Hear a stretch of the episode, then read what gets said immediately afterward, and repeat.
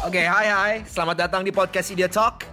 Di sini kita sharing apa pun yang lagi hangat, tentunya bareng narasumber yang bakalan kita suruh standby di corong mic. So, in 3 2 1, welcome to Idea Talk.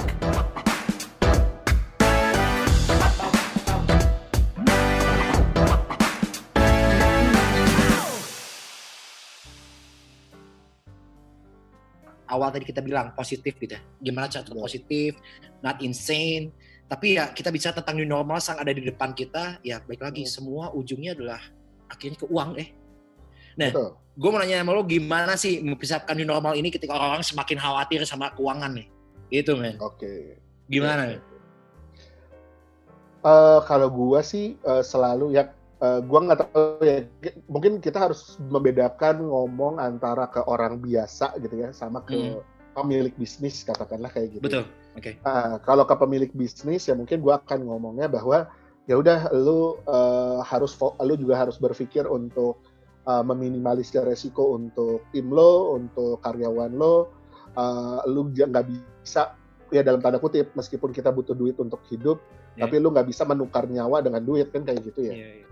Yang kedua, nah biasanya uh, di kondisi kayak sekarang di mana internet udah mulai uh, hampir di setiap lini kehidupan kita kita berhubungan sama internet dengan teknologi. Mm-hmm. Nah, kita uh, pemilik bisnis dipaksa nih untuk mm-hmm. mereka go digital kan kayak gitu. Yeah. Okay. Uh, mereka harus mulai berpikir gimana caranya katakanlah uh, kalau biasanya dia juragan sayur, Hmm. Dia harus mulai berpikir gimana bisa jual sayuran lewat Instagram mungkin, hmm. lewat WhatsApp atau semacamnya gitu. Karena ya balik hmm. lagi, kalau misalnya dia memaksakan diri untuk pergi ke pasar, hmm. baru kemarin aja kan di Bandung itu hmm. ada berapa delapan pasar gitu yang uh, berpotensi jadi klaster baru hmm. dan sebagainya. Ya itu kan berarti akan men, akan menambah resiko seseorang kayak gitu. Ya mungkin kalau ke, ke pemilik bisnis kayak gitulah. Uh, sarannya adalah uh, fokus dulu safety first, gimana bisa menurunkan kemungkinan uh, resiko dengan inovasi-inovasi. Kalau perlu go digital, go digital, memungkinkan go digital, go digital.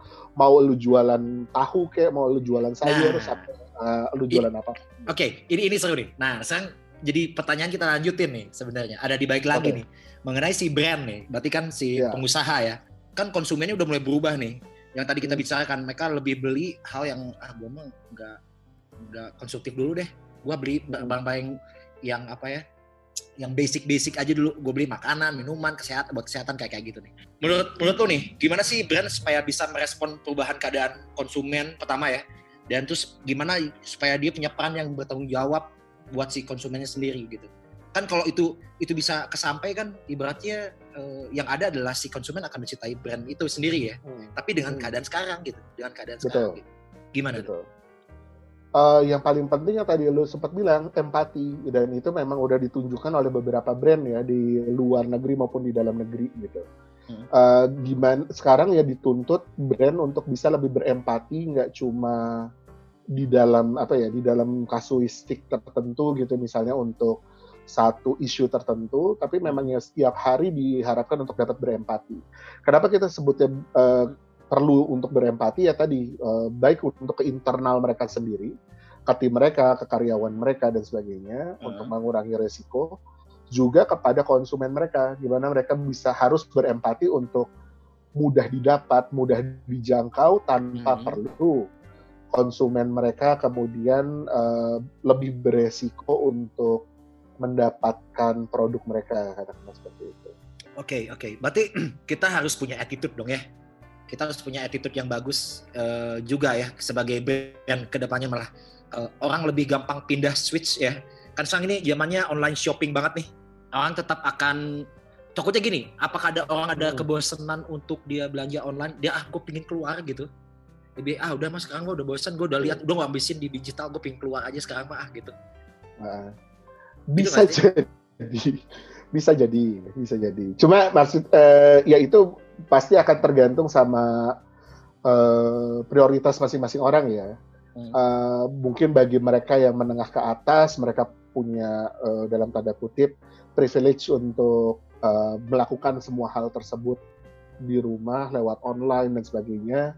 ya otomatis itu akan ada peningkatan. Tapi kalau untuk yang menengah ke bawah, di mana mereka juga masih butuh untuk keluar, untuk melakukan pekerjaan mereka dan sebagainya gitu ya yang memang hmm. sifatnya nggak bisa dirubah jadi online hmm. kayak let's say uh, pegawai Alfamart atau pegawai minimarket atau yang mana pun hmm. ya itu kan otomatis uh, mereka masih butuh untuk keluar ya intinya pada saat keluar kemudian mereka harus uh, dalam tanda kutip merubah pola pikir jadi yang lebih safety first hmm. kan seperti itu uh, tapi kalau di, dilihat perbandingannya sih menurut menurutku uh, kayaknya lebih fokusnya nanti akan lebih naik sih kalau dari sisi e-commerce ya karena ya balik lagi okay. kalau hmm. uh, lebih ya naik balik lebih lagi, naik hmm. lebih naik pasti akan naik karena ya tadi hampir semua bisnis sih sekarang dipaksa untuk go digital soalnya kita nggak okay. dan kita nggak ngomong go digital itu harus internet minded like like let's say uh,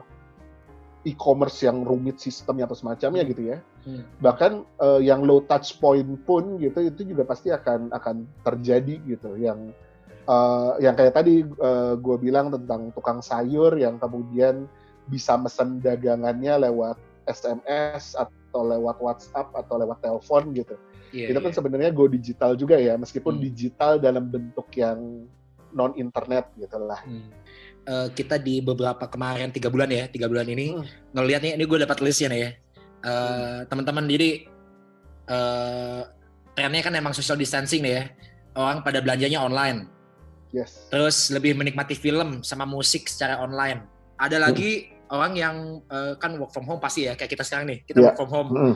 Hmm. terus ada yang belajar online beberapa yes. teman beberapa teman gue ngetawain semua orang saya dia sempat diketawain bilang gini dia nggak percaya sama uh, anaknya disekolahin di sekolahan Oke. Okay. Homeschooling. Dia ngajarin sekali di rumahnya. Diketawain okay. sama teman-teman teman-teman ibu-ibunya gitu ya. Tapi sekarang dia hmm. ketawa kan ya. Lihat sekarang semua. Cuma belajar rumah kan gitu. Bahkan dia buka penawaran untuk ngajar buat anak-anak uh, kelas 1 sampai kelas 4 dan udah ada dua murid yang jadi murid dia sekarang. ada yang basic ngajar loh, gila kan? Terus uh, apa lagi? Game online itu nggak usah ditanya lagi ya, Nade. Uh, pasti, game online. Pasti. Gila. Lu masih ada waktu nggak hmm. sih main game online juga masih ada? Ya kalau misalnya lagi insomnia gue kambuh kali ya. Tengah malam baru gue main game online tuh. Oke, okay, uh, eh, ini nih, ah. Uh, tadi pas di awal gue sempat cerita juga bahwa kan ini uh, kita lihat sekarang uh, era new, new normal, uh, terus uh, orang yang udah pada uh, ada kelihatan nih, orang mulai pada bosen lihat uh, sosial media, hoax-hoax okay. itu udah bosen mereka, terus hmm. mereka pada larinya ke TV Nah, padahal kan belum tentu juga ya. Maksudnya ada berita-berita penting yang ada di sosial media juga yang harusnya itu jadi info penting buat kita. Nah, Betul. nanti gimana nih? Hmm. Menurut lu gimana lihatnya, Nun? Nah, mungkin harus dibedakan. Harus dibedakan antara bosan dengan sosial medianya atau hmm. bosan dengan berita buruknya. Okay. Karena mungkin saat ini kan uh, yang mendominasi sosial media sedang berita buruk. Hmm. Tapi ya mungkin uh, semoga ya setelah pandemi ini mulai menyurut, eh, orang-orang udah mulai banyak lagi nih berita baik yang dipenuh, memenuhi media sosial ya seharusnya itu berubah. Harusnya, Karena harusnya. Kebut, ya kebutuhan orang akan informasi tetap akan tinggi sebenarnya kan. Hmm. Hmm. Kita bicara tentang ketakutan. Ini Indonesia ya, kita ngomong Indonesia ya. Iya. Hmm. Uh, gue lihat data bedanya Indonesia sama di Cina atau di Amerika gitu ya. Amerika itu lebih banyak lagi takutnya sekarang mereka nggak keluar Uh, tapi kalau di Cina mereka mengikuti SOP, makanya udah mulai pada mulai bisa beraktivitas lagi. Nah kalau Indonesia, menurut lo masih penuh rasa ketakutan nggak sih? Ini ini cuma sekedar pengamatan aja ya, maksudnya gue nggak punya data. Iya nggak apa-apa, kita kita share aja, kita share aja. Iya. Yeah. Nah kalau gue ngelihatnya memang divide-nya di Indonesia itu baru kelihatan sekarang, divide-nya besar di satu kelompok itu tetap ada orang yang mungkin berhati-hati, punya kekhawatiran tertentu, uh, lebih peduli terhadap apa ya, terhadap uh, eh, SOP dan sebagainya lah ya, selama new normal yang nantinya gitu ya. Tapi sementara di pihak lain itu juga ada sekelompok orang yang mungkin nggak nggak terlalu peduli dan sebagainya itu ada, itu memang ada gitu, real ada. Nah, eh, bahkan ada juga di antara orang yang nggak peduli ini lebih parah lagi. Mereka mengklaim bahwa uh, ini semua konspirasi teori dan sebagainya lah. Iya. Itu juga ada. Uh, dan dan di masa seperti ini itu memang divide itu makin kelihatan. Intinya kan yang jadi masalah gini, yang jadi masalah adalah kondisi sekarang, kondisi pandemi ini nggak melihat kita pintar, kita bodoh, atau nggak melihat kita kaya atau kita miskin kan gitu ya. Iya, iya. Ini kan uh, ini semua hajar aja kalau buat penyakitnya hmm. kayak gitu. Nah artinya ya kita yang mungkin lebih punya awareness terhadap uh, penyakit ini yang mungkin bisa lebih uh, berhati-hati, lebih lebih membantu bahkan ke mereka yang mungkin awarenessnya masih rendah atau bahkan uh, membantu untuk memberikan wawasan lebih luas, membantu untuk memberikan pemahaman lebih dalam tentang bahayanya dan sebagainya gitu. Jadi ya memang membutuhkan uh, kerjasama semua orang sih gitu. Kita iya. harus saling royong gitu. Tapi emang memang sensitif ya kadang-kadang ya. Kadang-kadang ya contoh yang tadi Nudi bilang tadi ya. Kalau gue di lapangan di lapangan ya lagi luar. Ya gue kan kalau weekend gue siaran nih. Misalkan hmm. lagi keluar sama temen ada ketemu temen gue gitu. Terus dia nggak pakai masker nih ya. Gue pas bilang lu kalau pakai masker sih? Terus dia bilang Ih santai aja kali. Gitu kan. Dia bilang Ih santai aja kali. Terus kalau gue panjangin gue bilang bahwa men gue bapak sama ini gue sampai di rumah loh men buat jaga ini supaya supaya everything's well. Kan kalau nggak ngargain kerja keras kit gue gitu untuk gue tetap menjaga tetap steril supaya lo nggak sakit kan kita nggak tahu ya gue sakit apa enggak terus Hmm. Nah kayak kayak gitu tuh gak bisa disampaikan. Memang ya mungkin nih teman-teman yang lagi dengerin atau lihat sekarang ya tadi bilang sama Nudi tadi bahwa e, baik lagi kita punya caranya sendiri-sendiri. Gimana lah, tetaplah punya harus punya trik caranya untuk bisa nyampein ke teman lu lah gimana caranya lah. Atau mungkin ujung-ujungnya lu gak bisa ngomong, lu liatin aja lu kalau lu pakai masker selalu gitu ya. Mungkin kayak gitu mungkin ya. Betul, betul. Seburuk-buruknya kayak gitu, betul. Dan ini juga sebenarnya bukan demi katakanlah ya, hmm. kalaupun bukan demi kita, yang paling penting sebenarnya demi tenaga kesehatan. Ya, maksudnya kan iya, iya, yang kalau kita masih bisa kerja di rumah kan. Iya, uh, iya, ini kita ada dokter, ada hmm. perawat, ada segala staf medis lah ya, yang mungkin udah tiga bulan ini nggak pulang iya. demi mereka ngerawat orang-orang iya. yang sakit kan. Iya. Hmm. Itu yang lebih yang lebih ngerasa impactnya itu mereka gitu prediksi nih ya, prediksi lu nih. Dan prediksi lu ke depannya new normal ini bakal seperti apa sih keadaannya sini dari sisi bisnis nih. Sisi bisnis uh, mungkin gue ngomong di sisi bisnis sama sisi ini lah ya, uh, sama uh, humannya ketika dia mencari pekerjaan ya. Itu gimana ya menurut lu gimana ya kayaknya yes. ke depannya? Oke, okay, uh, kalau dari sisi gue ya, dari sisi gue ya uh, gimana kita bisa menyikapinya gitu. Gimana pendekatan kita terhadap masalah yang ada di depan kita. Untuk semua orang, gue yakin gimana mereka, kalau misalnya mereka melihat ini sebagai new level dalam kehidupan mereka, baik bisnis maupun perorangan, gue yakin ini bakal menjadi sebuah opportunity, sebuah kesempatan untuk setiap orang menjadi lebih baik, untuk setiap bisnis menjadi lebih tangguh, kayak gitu, dan untuk kita sebagai masyarakat bisa lebih uh, erat, bisa lebih berempati satu sama lain, bisa lebih kuat gitu. Gua melihatnya seperti itu. Oke, okay, itu buat personal. Buat uh, business, is it all the business gonna go back with the normal thing? They can run the business, bikin produk-produknya mungkin banyak brand-brand juga yang punya produknya tidak berhubungan dengan hal yang uh, uh, apa namanya uh, kebutuhan utama gitu ya, maksudnya ya. Gimana menurut lo? New normal is will never be normal gitu. New normal hmm. ini cuma istilah kita untuk hmm. membuat seolah-olah memang keadaan bisa kembali ke seperti biasa, tapi sebenarnya enggak. Uh, keadaan nggak akan pernah bisa kembali seperti dulu. Bahkan seperti di China aja, di Wuhan uh, itu dia sudah melonggar, sangat bukan melonggarkan bahkan udah melepas status lockdownnya. Hmm. Itu buat bisnis, terutama bisnis makanan, hmm. itu ke untuk kembali seperti dulu itu eh, saat ini belum memungkinkan dan bisa jadi nggak memungkinkan sama sekali ke depannya. Ya, dan dalam konteks tersebut sih gue yakin ya di situ tantangannya gitu. Karena kita kita harus terima bahwa ini nggak akan menjadi normal lagi. Itu dulu yang harus kita terima. Yang kedua, eh, apa yang harus kita lakukan untuk keadaan yang baru? Bisnis harus mau berinovasi, bisnis harus mau uh, membuat sebuah terobosan-terobosan harus mau kembali memutar otak mereka gitu, nggak bisa kemudian diam menerima nasib apa adanya, itu nggak bisa. Uh, uh. Kalau biasanya itu dilakukan karena apa namanya inisiatif internal, saat ini kondisi eksternal yang memaksa mereka harus melakukan hal seperti itu untuk biar mereka survive dan berkembang. Iya yeah, iya yeah, benar ya. Uh, tapi yang baik gue suka uh, gue pribadi ya gue suka tadi gue sempat cerita di awal uh, dengan keadaan ini tuh semua orang pada muter otak ya nggak sih gue demen itu semua betul, orang jadi pada betul.